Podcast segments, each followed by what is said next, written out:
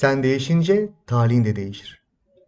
Bazen tek yapmamız gereken şey olaylara bakış açımızı değiştirmektir. Bunu yapınca etrafımızda olup biten gelişmelere tepkilerimizi de değiştiririz. Alexander Dumas'ın ünlü eseri Monte Cristo kontunda genç denizci Edmund Dantes'in hayatı bir günde değişir. Büyük bir geminin kaptanı olmanın hayalini kurarken kendisini bir anda suçsuz yere kapatıldığı bir zindanda bulur. Uzun zaman boyunca bunu neden yaşadığını sorgular. İsyan eder. Tüm hayatı, hayalleri alt üst olmuştur. Sonra tam ümitsizliğe kapılmak üzereyken kader onu biriyle karşılaştırır. Zindandan kaçmak için tünel kazmakta olan Abbe Farya'nın kazdığı tünel yanlışlıkla Dantes'in hücresine açılır. Dantes ve bilgi adam Abbe Farya tanışırlar. Abbe Farya bilge sözleriyle onun içinde bulunduğu durumu ona tamamen farklı bir bakış açısıyla yeniden anlatır.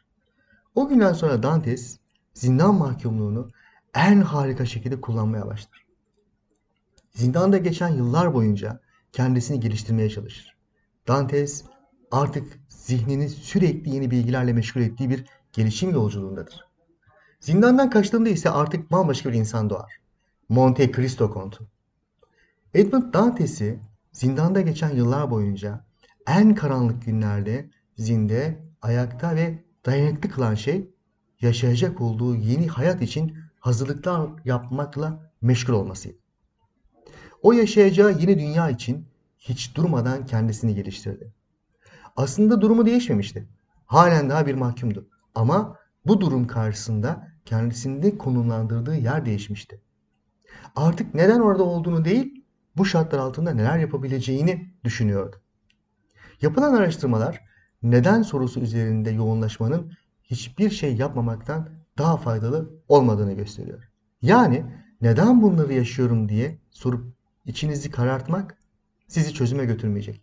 Aksine bulunduğunuz noktadan daha geriye bile düşebilirsiniz. Hepimiz durumumuzla ilgili tespitler yapar dururuz. Asıl soru bu tespitlerle nereye ilerlemek istediğimizdir. Unutmayın, çoğu zaman başımıza gelen olayları değiştiremeyiz. Ama olaylar karşısında vereceğimiz tepkileri seçebiliriz. Ve kaderimizi belirleyen asıl şey de işte tam olarak budur.